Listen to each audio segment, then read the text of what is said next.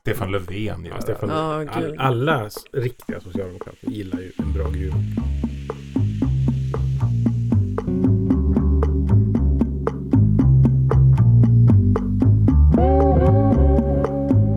Hej och välkomna till kommentariatet, landets enda verkliga oppositionspodd.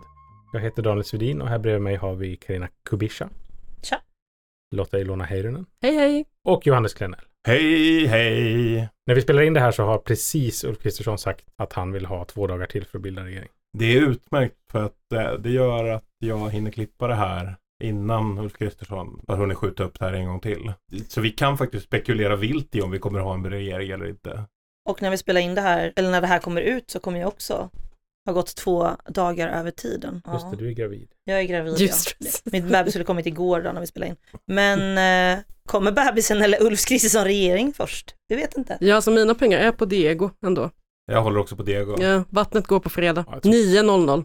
Ulf Kristersson kliver in till, till kammaren 11.00. Otroligt. Jag tror också på Little D. Ja, vi får se. Vad har ni gjort sen senast? Eh, Vi har ett formexperiment på, på hubben. Där vi bara får skriva 1700 tecken långa texter den här veckan. Så mycket, mycket vånda kring det. Har ni lyckats med det än så länge? Jag har inte prövat. Jag ska börja idag. Är det någon som har prövat? Ja, Martin Klepke såklart. Hur gick det? Han levererade 16,99 i måndags. Helt sjukt, Lotta ser helt chockad ut. Nej en men när jag börjar fågelholk. tänka så det är onsdag idag, ni fick den här uppgiften i måndag så ingen av er två har börjat än. Jo, jag har börjat skriva Jag men jag har inte jag har inte fått ner en text. Nej men ja, jag skulle försökt igår också, det slutade med att jag läste hela rapporten Svenskarna och internet och hittade inte ett piss att skriva om. Tydligen är det så att män i relationer porrsurfar mer idag än vad de gjorde för något år sedan. Och det är rätt. Det är rätt. Jag kände att jag liksom inte riktigt hade en hel, eh, inte, inte ens 1700 tecken hade jag i mig om, det här, om den här nyheten. Vad beror det på tror vi? Är det pandemieffekt? Nej, jag skojar. Postpandemieffekt. Ja, men det, Pornhub var väl de första att liksom bara så släppa porren fri. Stanna hemma och ronka. Men det är Eh. också typ så här ändå, det är fler unga män som betalar på porr på nätet än äldre. Och jag undrar, alltså jag, så här, vad, vad är så bra att man betalar för det? Höj skatten. Det är Nej. premium, premiumkänslan. Ja, man kanske får en väldigt acquired taste efter ett tag. Om man har liksom har gått igenom allt som finns där ute. Men om man gillar porr ungefär som man gillar musik, eller som jag. Ponera att man gillar porr. Så, litet tankeexperiment här Ja. från Daniel Svedin. Det är också bra att du lyckas avbryta vid ett läge som jag klippa det till. Ponera att man gillar porr som jag.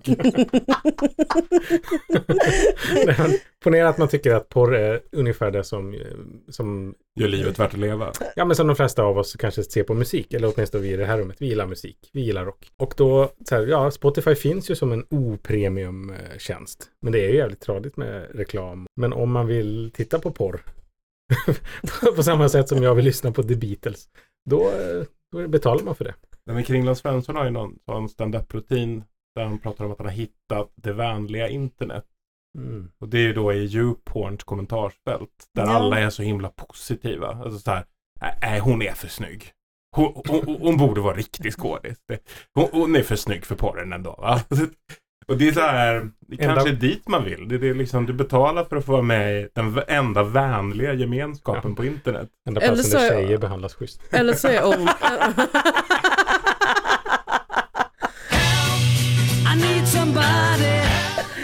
Ja, men det har hänt sen, eh, sen sist då. Porrsurfing. Ja, Premiumporr. Me- meta, metaporrsurfing. Ja. Istället för att surfa, det är min porr, jag läser statistik. Numbers porn. Hur mår du själv? Jo, men jag mår rätt bra. Jag, jag fick ju kommentera Jan Emanuels namnbyte till Jan Emanuel igår. Och vad vi gör för någonting? Men ungefär så här då. Ska vi se. Och Eh, och det var liksom, det var, jag tyckte det var något av en utmaning för att det, det, det är väldigt lätt att raljera. Och jag är ju inte en kille som gillar att raljera. Jag, jag, jag vill ändå vara en, en rättvis röst i samtiden. Va? Visst. Å Abso- ena absolut. sidan. ja, visst. Och det var ju inte helt En lätt riktig. DN-krönikör. Ja, nej, men det är Wolodarski, ring mig. Så ska vi prata jobb du och jag. Det är, Mm. Jag tror att ni behöver mig på idén. Det är lite kul på Twitter nu att alla påstår att DNs ledarsida gått i opposition. Det ser jag fram emot. Mot ska- vad? Ja, mot den nya Mot regeringen allt. då. Mot allt. Ja, i opposition, mot sin samtid. Det var någon som skrev att Amanda Sokolnitski skulle kunna passa på arbetet. Var det inte någon som skrev att hon hade radikaliserat så att det faktum att hon tog ett cetera i försvar var ett tecken på det? Vem sa att Amanda Sokolnitski skulle passa på Det- arbete? Eh, I Torshammare 64. Det var liksom. Ja, ja, hon är jätte, jättetrevlig och duktig. Jag tror inte att hon skulle uppskatta Nej, politiska redaktörens eh, benhårda politiska liv. Men vi får, vi får testa, vi kan bjuda in henne till podden. Ja, Men, alltså, Det tror jag. definitivt. Jag måste ändå fråga, jag är ju inte ledarskribent då. Jag har aldrig Nej. varit det. Uh, även om man kan tro det. Men Anders Lindberg har aldrig tagit mig under sina vingar. Nej. Jag har aldrig fått kliva in i finsalongerna på det sättet. Har du varit Fyra på månader Bommersvik? på... Nej, jag har aldrig varit på Bombers. Om nu vet Men jag vet att det kallas Bombers. Mm. Ja. Har jag lärt mig. Jag har hängt, varit en fanboy runt arbetarrörelsen länge nog för att ha koll på slangen. Vi ska ta med dig dit. Det finns så mycket vi kan lära dig i bastun, Johannes. Ja. Men, men, men, men däremot så har jag liksom sett ledarskribenter byta arbetsplats. Och därigenom också byta en hel del åsikter. Mm. Eh, Lisa Magnusson var väl hyfsat vänster innan hon blev ledarskribent på DN till exempel. Eh, Ivar Arpi, socialdemokrat. Är det inte så? Han har väl propagerat för Lena Sommestad. En gång för mycket, mycket länge sedan så har vi druckit öl ihop i midsommarkransen. Och då Var det han som var socialdemokraten och du? jag var den konservativa. Jag vill att kvinnor ska vara kvinnor och män ska vara män. När var det här? Ja, det är 2010 då, måste det varit. Precis när jag flyttade i Stockholm. Det här är ju då, ja, det är ju väldigt länge sedan. Det var innan jag jobbade på Aftonbladet, så det är så länge sedan. Eh, och då, vi var bara killar på Twitter. Mm. Och då vill jag minnas, Just det, de Senast den toxiska ma- ma- maskuliniteten hade sin prime. min maskulinitet var nog inte så toxisk på den tiden. Det är värre. Det, det Är kom det nu, nu? tre Det är barn senare. Varit i Premiumanvändare. en relation riktigt länge. Men skulle hon kunna, i en teoretisk värld, kunna bli ledarskribent på arbetet? Ja, jag som, som polisredaktör är öppen för det. Men det, det kräver ju någonstans, tror jag väl, att liksom den åsiktsbildande liberalismens alla bastioner är förbjudna på något sätt. Att den enda tidningen är arbetet som du får skriva på om du inte tycker att Jimmy Åkesson är det bästa som har hänt sen skivat bröd. Då är hon välkommen till arbetet. Mm.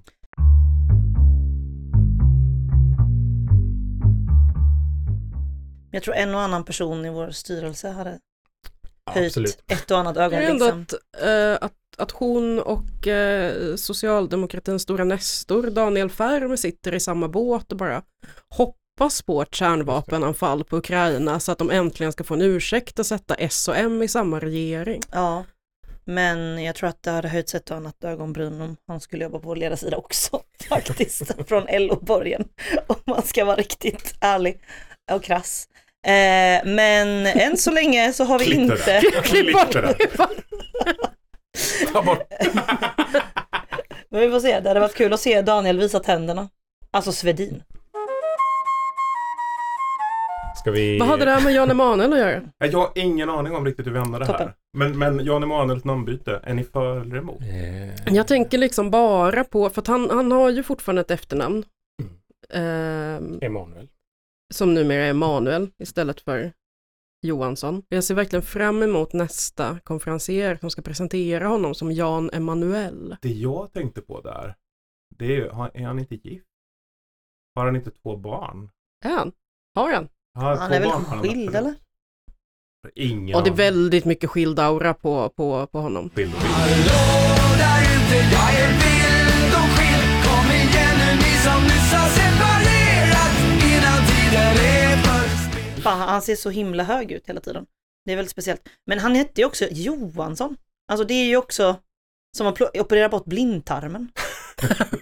Alltså jag menar, det är inte så att det på något sätt är Du menar att han inte offrat något identitet. unikt? Nej, alltså det är inget identitetsskapande på något sätt. Han heter väl Jan Johansson, sen skulle han in i eh, Robinson, då la han till Emanuel. Alltså det är ju andra gången han fixar med sitt namn. väl? Och nu får han dras med Emanuel. Ja, Och hans barn också. ja. Eller ska de fortsätta ta Johansson? Det är det jag undrar. Liksom. Men det ska de väl eller? De blev adopterade av Jan Emanuel. Det var som pratade om att oftare när man är offentlig person så är man ju både sitt för och efternamn. Alltså Johannes Klenell, alla säger väl Johannes Klenell. Mm. Johannes Klenell, Daniel Svedin. Det skulle inte underlätta för mig om jag hette något annat än Daniel Svedin. Och skulle det underlätta om det bara hette Daniel? Det skulle ju vara rätt. Vilken av dem? Ja, många skulle ju fråga Men det. kan jag, så här, nu, nu är jag grönare i gamet än vad, än, än vad både herr Klenell och, och, och Svedin här, men, men jag, jag vill ändå påstå att så här, det där stämmer ju absolut Mm. om man inte heter Härunen i efternamn eller någonting annat som absolut ingen kan uttala. Nej. Du skulle nog tjäna på att heta Lotta Ilona bara. Absolut. Det, är- det är ju lite ett sundare uttryck av Jan Emanuel än mycket andra utspel han har gjort på senare år. Liksom. Eh, det är första gången han gör ett utspel utan att bryta med socialdemokratin. Till exempel. Det är ju Eh, inte, ju inte att bryta med socialdemokratin att såga av sig Johansson. Finns det något sossigare än att heta Johansson? Low, ja, precis. Under, mellan raderna absolut Mm. ett brott mot socialdemokratin ändå. Men eh, definitivt någonting som man skulle kunna kalla Jan Emanuel för maestro. ja, Bra, bra jobbat maestro. precis. Det går hem på Joe and the Juice. Mm. Eh, vi har pratat i en kvart om allt som inte står i manus. Så nu går vi vidare. Ja, Så med det. Tjena, tjena. I, I helgen upplevde ju jag eh, liksom den stora Twitter-hatsvansen av 123-konton och eh, andra troll och så vidare som, som reagerade på, på ett bete som jag la ut eh, och då postade jag en bild på um, ICAs världens mathylla och så här haha kolla ICA i Kista, massa mat från Mena, skitdåligt, alltså, verk, alltså inte, inte en smart take, ut, utan medvetet, platt, tråkigt vänsterinlägg. Eh, och jag fick 200 kommentarer från 1, 2, 3, 4, Johan Torshammar. Lotta tycks tro att det är maten från Mena som är ute och våldtar, rånar, slänger flickor från balkonger och allt annat fänstig som en del från just Mena ägnar sig åt. Det har visat ju bara hur långt från verkligheten hur många till vänster lever och att ni inte är villiga att lyfta de riktigt allvarliga problemen kopplade till invandring. Det är inte matkulturen som är problemet. Eh, och rektor Hamid dök upp från ingenstans och jag hade liksom glömt bort den här mannens existens överhuvudtaget.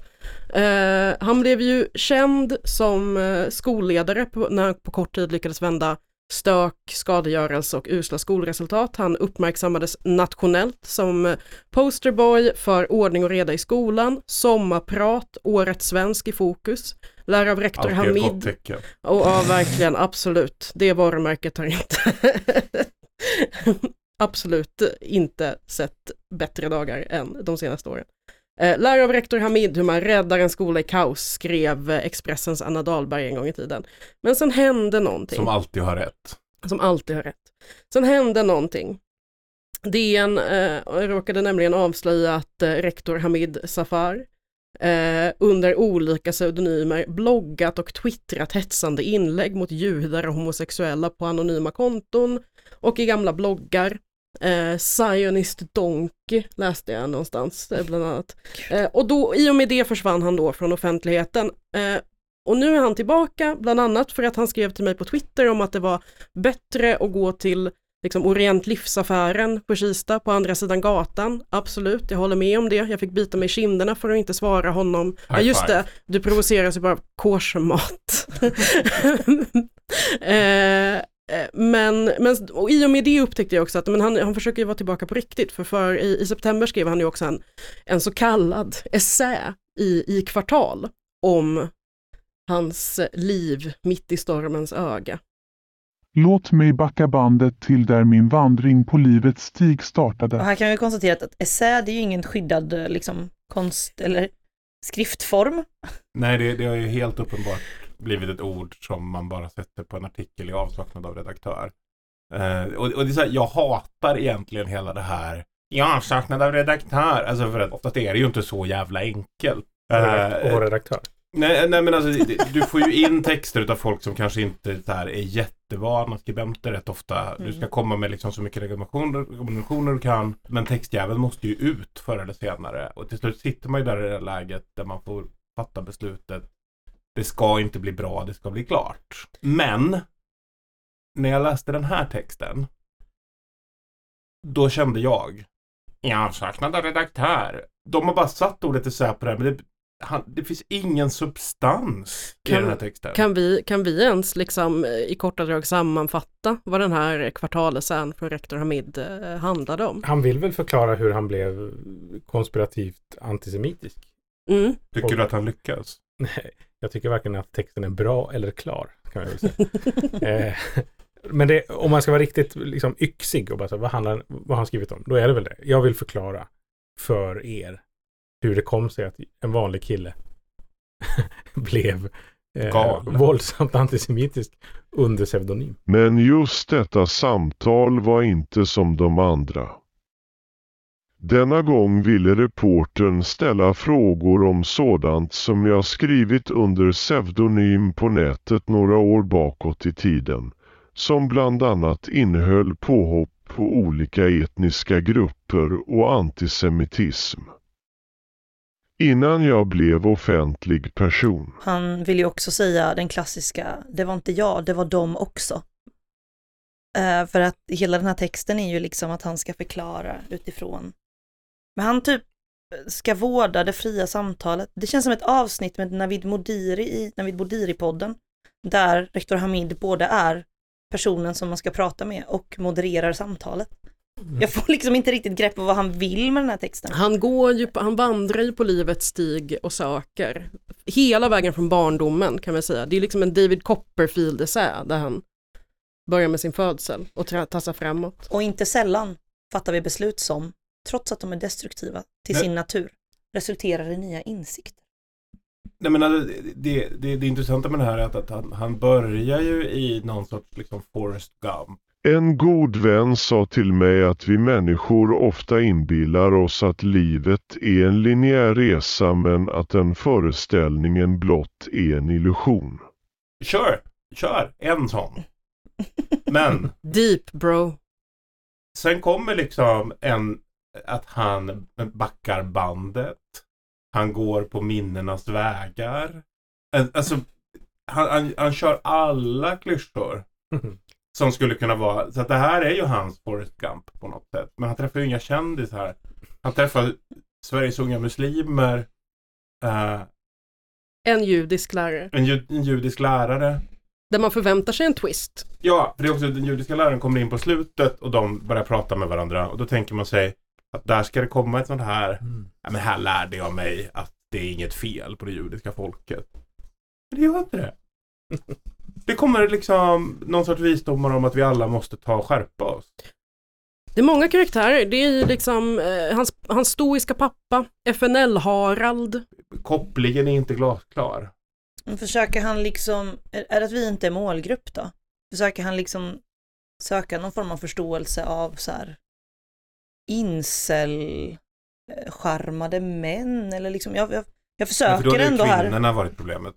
Han skriver inte en rad om kvinnor. Nej men det är väl det, då är inte jag målgrupp. Alltså förstår vi? Alltså, jag, jag tänker liksom att det kan vara en sån grej som gör att jag liksom inte riktigt Mycket förstår. ondska som ligger i de svartvita tankesätten. Jag fastnade lite för, en, eh, för ett stycke. Eh, Redan i grundskolan minns jag att jag med stort intresse följde kriget på Balkan genom TVS nyhetssändningar. Jag minns den ilska och frustration jag kände över folkmorden i Srebrenica och Rwanda. Ett av mina allra tidigaste minnen från nyhetssändningarna måste varit från den första intifadan i Palestina. Jag såg israeliska soldater som sparkade och slog två palestinska pojkar.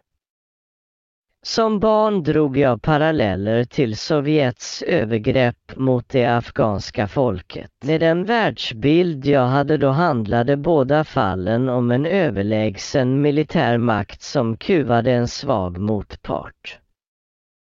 För mig var världen svartvit och uppdelad i de goda mot de onda. Det skulle dröja länge innan jag insåg att alla konflikter innehåller flera nyanser. om man nu ska prata om nyanser och att världen inte är svartvit. Är liksom Srebrenica och Rwanda. Sovjets övergrepp på Afghanistan. Nej, är, det, men är, det är det här det Här här, känner, känner man att... Förlåt att jag så- uttryckte mig antisemitiskt, jag ska bara relativisera ett par folkmord till här. Hold my beer. Ja, jag är glad att han har vuxit, eller? Man märker, man, man märker ju, alltså ibland så eh, redaktörer man texter och skriver också som skribent texter där man liksom inser efter ett tag att här har någon suttit och tänkt lite för länge. Mm. Nej men och lite för lite. För, och det här har ju fler poddar vi kommenterat. Podcasten Haveristerna var tidigare, men jag ser det. Det är ju när han skriver Hösten 2020 hamnade jag inne i stormens öga. Där råder allt annat än lugn och stillhet. Hamid, det är det enda som råder i stormens öga. Mm. Det är den absolut lugnaste platsen du kan befinna dig på. Du tar, tar ett steg till höger.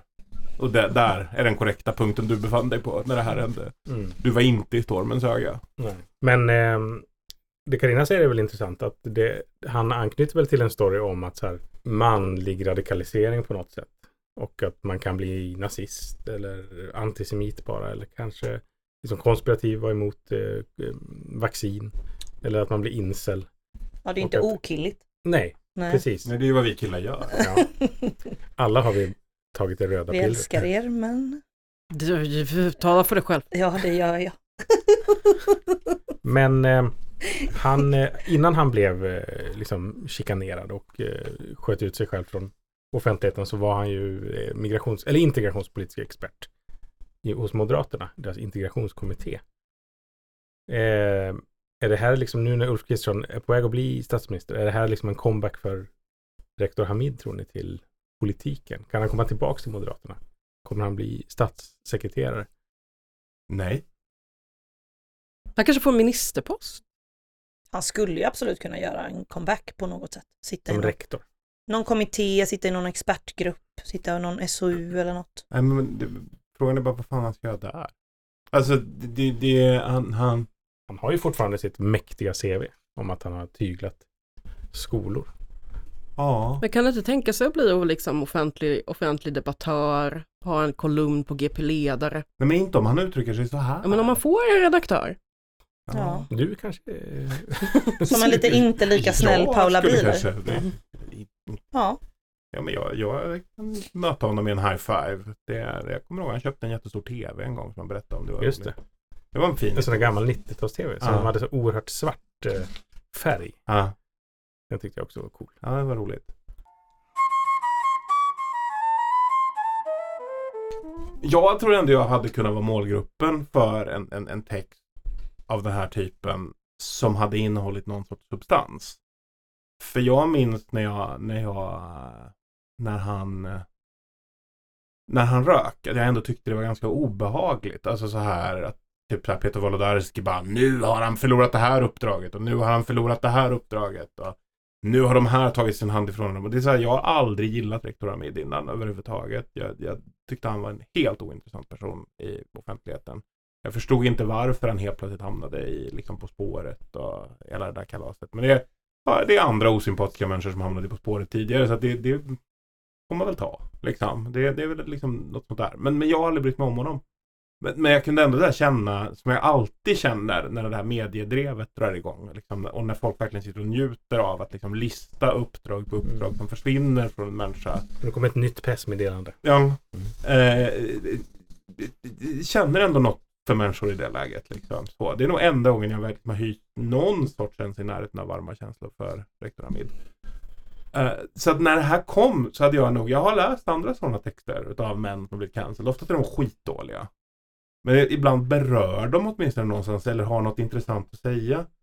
Men här finns ingenting som är intressant att veta. För ingenting av det här kan jag egentligen koppla till det han faktiskt har gjort nej. Det är liksom så här, det är lite antydningar om att det egentligen är muslimernas fel alltihop. För mig passar hans målgrupp ganska bra antar jag. Liksom. Mm. Eh, Men, men i övrigt så finns det liksom ingenting. Han kommer inte ens i närheten av att ta upp vad det var han blev anklagad för. Och det skulle jag kunna förstå om det var så att han sa att det här har aldrig hänt. Eller liksom, jag har faktiskt aldrig gjort mig skyldig till de här sakerna. Ett litet tips till majoritets-Sverige då. Mm. Om ni nu ska ha en röst från orten så kan det ju vara bra att ha en person som inte är ganska illa omtyckt av alla människor med utländsk bakgrund från början. För alla som blev förvånade var ju typ så här majoritets-Sverige Fokusredaktionen Som- främst. Som liksom tyckte att det här var superbra och alla andra som typ har träffat någons galna farbror någon gång som Mm. har varit på typ ett större bröllop med 300 gäster eller whatever. Tyckte ju bara att han var bara så här, en opportunist Mm. Som bara ville bygga en karriär på någonting som alla andra bara, vem fan är du att representera oss liksom? Eh, så ett litet tips då. Men om vi ska ge honom, om vi ska snälltolka rektor Hamid, vi är ju ändå, vi har väl ändå så här arbetarrörelsesyn på människor. Det livslånga lärandet. Han ber ju ändå om ursäkt i slutet. Va? Jag är väl medveten om att de åsikter jag uttryckt har sårat många människor. För det är jag innerligt ledsen. Kan möjligen också snälltolka in en, en slutsats och tes i, i den här texten. Jag, jag, eh, jag uttryckte mig antisemitiskt. Det var välviljans rasisms fel. Det här är inte en text som visar att han har fattat någonting överhuvudtaget. Och jag hade jättegärna läst den texten där han visar att han har förstått någonting överhuvudtaget. Och jag hade nog till och med kunnat se honom om han hade skrivit den texten ta ett par rätt bekväma kliv tillbaka in i liksom vissa delar av offentligheten. Förmodligen. Eh, jag hade inte gjort det för att jag hade fortfarande bara tyckt att han var en jävla idiot. Men minns ni Hanif Bali då? Han var rolig. Ja, en, gång var, en gång var ju han eh, ung och lovande riksdagsledamot. Sen blev han kung på Twitter. Nu är han lokalpolitiker i en eh, Stockholmskommun som jag tror heter Österåker. Mm. Eh, det är där Åkersberga ligger. Eh, de ser ut som fågelholkar. Eh, Jag Eh, vet inte faktiskt. Nu skriver han i alla fall kolumner på Expressens ledarsida och är något av en kollega, en vän, Kollega. kollega. Okej. Och eh, jag tänker att du Lotta skulle kunna få läsa ett stycke ur förslingverket av eh, ledarskribent Bali. Ja, det här är från eh, inledningsstyckena i hans första, eller hans entré på Expressens ledarsida. Häromdagen, en skoldagsmorgon runt frukostbordet, fick jag en fråga om en, likt dvärgen, mytomspunnen varelse. Vill du helst ha en häst eller en enhörning? Jag svarade spontant häst, men fick snabbt mothugg av två sexåringar som ivrigt försvarade fantasifostrets många fördelar.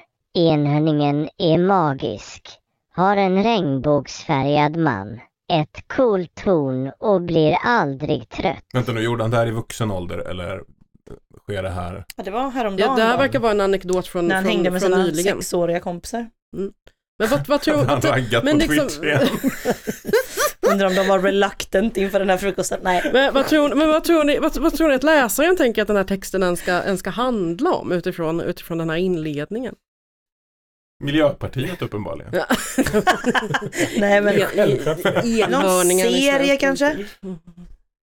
hade jag, eller jag tänkte det, det handlar väl om någon serie eller något. Nej, nej, jag tycker Ja, faktiskt att det är uppenbart att den det. handlar om att det, är saker som finns, det finns saker som är på riktigt och finns saker som bara finns i fantasin. Ja, Och det är ju Eh, Miljöpartiet, mm.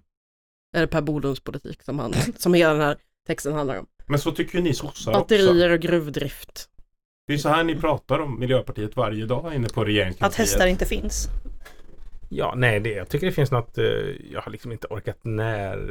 Jag såg att en del hade liksom kritiserat hans slutsats. Den, till, slut Vad är handlar, hans slutsats? till slut handlar ju den här texten om mineraler eh, och gruvdrift i Sverige.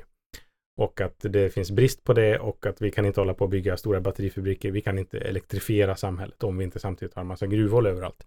Där vi kan få bryta upp eh, de här mineralerna som behövs för att göra batterier. Eh, och jag har sett en del där så här, du, du har fel, du har tolkat siffrorna fel. Det finns visst tillräckligt med metaller i dagsläget. Bla bla. bla. Det har jag inte orkat sätta mig in i. Så bra tycker jag inte att den här texten var. Så intressant tycker jag inte den var heller. Men jag eh, är mycket positivt inställd till hans, eh, att han kommer ut som gruvdvärg.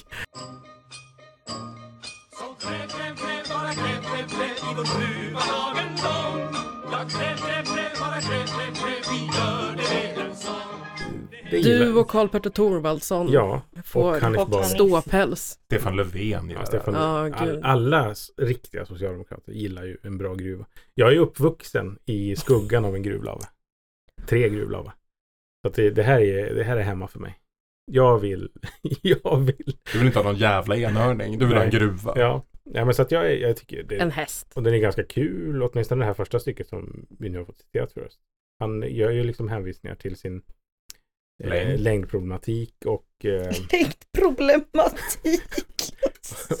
och, och så. Eh, det är kul att man har lite självdistans. Men alltså det är en väldigt referenstät text. Apropå enhörningar, det är dvärgar. Det känns som en text som är skriven för er, Johannes och Lotta, Och som, som gillar sånt här. Men alltså, så en fråga till dig då Johannes, vilken fantasy-referens saknade du i Hanif Balis eh, entrétext? Sjukt att han inte använder tomtar. Just tomtar. Vi trodde vi skulle få... Okej. Okej. Nej men det, det, det, det, det, det, det är ju den det klassiska lalla-referensen. Det är en jävla tomte som kommer där. Mm. Eh, hade jag förolämpat Hanif Bali, Mm. då hade jag använt tomte. Jag hade inte sagt dvärg. Alltså för det är ju inte politiskt korrekt till att börja med. Nej. Givetvis. The D-word. Nej men det är också, det är hans ord, inte ditt. Ja, han har ju TF. Ja, Ja, ja han har TF. Det, det är lugnt för mig att han använder det, men jag hade valt tomte. Det är, den, det, är den, liksom, det är den goda människans förolämpning mot en kortvuxen person. En hel tomtearmé! Gårdstomten tycker jag saknas. Eh, jag tycker bergrå saknas. Jag tycker det är ganska viktigt med gruvrået här. Alltså det, det, Det är jämställdhetsaspekten. det är inte bara jämställdhetsaspekten, det är också farorna med gruvorna som kommer fram där. Det är att de också bara är påhittade. Det finns inga problem. Det är härliga grejer. Ja, darrar inte på manschetten i svenska jobb. Det är uppenbart att vi behöver smälla upp gruvor snabbare än orcherna i Mordor. Men Miljöpartiet sätter käppar i hjulet för denna gruvboom. Vad är den här jävla övertron på att orcher är så jävla Men det också är Mordor framtiden för den svenska nyindustrialiseringen? Jag säger, eh, jag säger ja. Daniel. Jag säger ja. Jag, jag vet inte vad jag säger, men jag säger ja. Åsa Romson skriver ju i sin självbiografi att eh, Stefan Löfven inte hade mått bra, eller hade aldrig mått så bra som om, inte, om hela Sverige hade fått bli ett kalkbrott. så att det är så här, den största Mordor-förespråkaren vi har är ju oväntat Stefan Löfven. Han, han hade verkligen trivts i Mordor.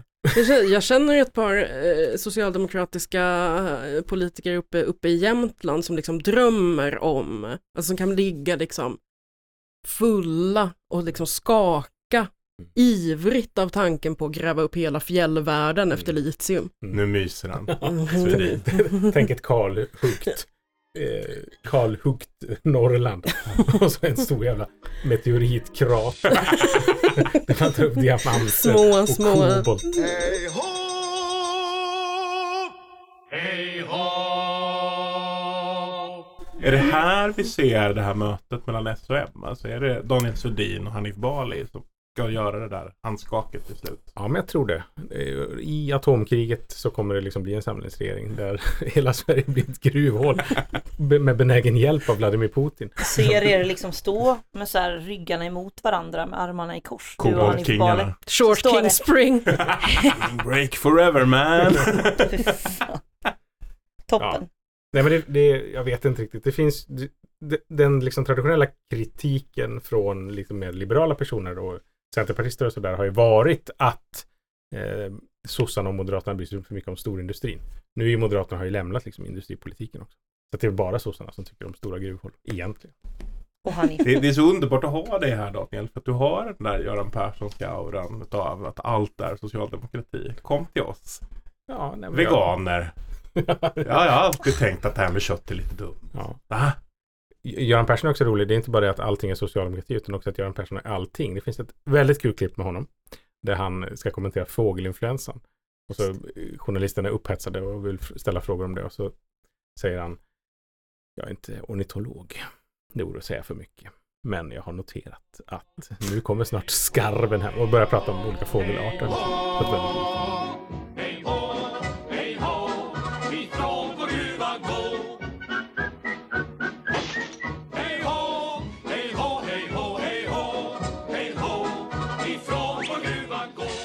Det har ju blivit ändå att vi eh, pratar en del om grejer som vi pratar om på jobbet. Mm. Kanske inte nödvändigtvis alltid vad som är hett i eten just nu, men ganska ofta vad som har varit lite hett. Vi är gamla.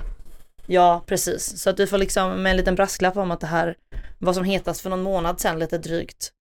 Så har vi skojat ganska mycket om eh, en Reddit-tråd. Eh, och jag brukar ofta beklaga mig över att eh, kids idag inte gillar ny musik. Det är en sorg jag vädrat mer än en gång på jobbet, inte minst då jag var på Jack idag i Göteborg och de spelade ABBA och Daniel Adams och Ray och jag ville dö. Det finns säkert många analyser kring varför det är så här, men eh, ibland så finns det också direkta förklaringar för varför eh, äldre låtar seglar upp och blir populära. Du vill mena att det är lika länge sedan Daniel Adams-Ray var populär som att när Daniel Adams-Rays skiva släpptes så var det lika långt tillbaka till andra världskriget. Ungefär så. Eh, nu avslöjar jag också hur snobbig jag är när jag går på klubb. Men så är det. En sån låt som blew up i alla fall för en dryg månad sedan, det är en, eh, en snubbe som kallar sig för Hudson Mohawk. Eh, han har en låt som heter Seabass som efter 11 år fick snurr på TikTok. Och som allt annat som är kul och dråpligt så började det med en osäker kille som är villig att göra precis allt utom att kommunicera med sin omgivning. Och vad gör han då? Jo, han vänder sig till internet för råd, givetvis. Eller bli antisemit på Flashback. Ja, nej men precis. Han blev ändå inte incel. Han liksom startade inte trollkonton. Jag tycker ändå han ska ha viss cred. Men just denna grabb var i alla fall osäker kring sex. Och eh, som den sanna killman han är så var det ju fokus på prestation. Väldigt många killar fokuserar väldigt mycket på prestation, inte interaktion nödvändigtvis, utan han skulle in och prestera. Han var Och inte så skulle erfaren. Och sen så skulle Han han, liksom, han skulle- skulle maxa. Bryta kvinnor som Henry Bali bryter malm. Gud, blir det så konstig dancehall-referens nu. Uh. Eh, och um, då var det många som tipsade om en spellista. Det var bra att ha med sig när man skulle idka älskog. Och det har han förfinat över tid då. Och ah, han har använt den här spellistan varje gång han har haft sex. Eh, men så har han varit ihop med sin tjej och hela tråden är liksom uppbyggd kring att han har fått påbackning. Efter två år så har hon liksom bara så, nu räcker det. Satt ner foten. Hon säger äntligen ifrån. Den låt som tråkigt nog också var hans eh, favorit. Den är superavtändande. It turns her off in a major way, säger han. Och han kan liksom inte fatta att det har tagit henne två år att berätta. Men i samma mening så vill han ändå säga att It's a good love making song with a good rhythm. Och här börjar jag direkt tänka liksom Isaac Hayes. Bootsy Collins. Barry White. Svarta män som låter mm. My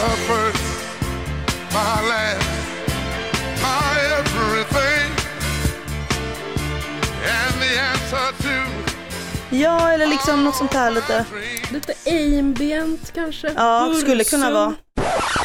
Alltså, Kommer in från sidan Om du- här. alltså. Ska vi älska så ska vi älska Sound- Bursum sound- är någonting jag aldrig tror att någon Soundtracket till. Blade Runner. Och han känner liksom mycket, han känner sig mycket nedslagen. Snudd på lurad säger han. Han erkänner att han fucked up by not asking. Men hon har inte sagt något på två år. Så han är skitirriterad. Och hans tidigare sexpartner har inte sagt något. Det kanske bara är hon.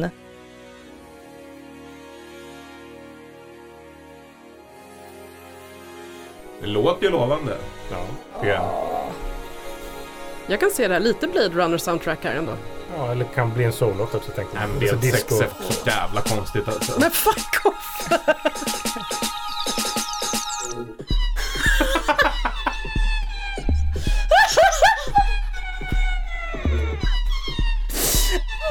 Ja, och med de orden så avslutar vi kommentariatet för den här gången. Eh, tack så mycket för att ni har lyssnat. Eh, Premium. Och tänk på det här nästa gång ni har sex. Så ska ni se att ni får till allt ert thrustande, som var ordet han använde. vi hörs igen om en vecka. Eh, Camilla, Karina, du får ha det så bra. Lycka till med Diego! Just det. Lycka till med Diego. Hej då!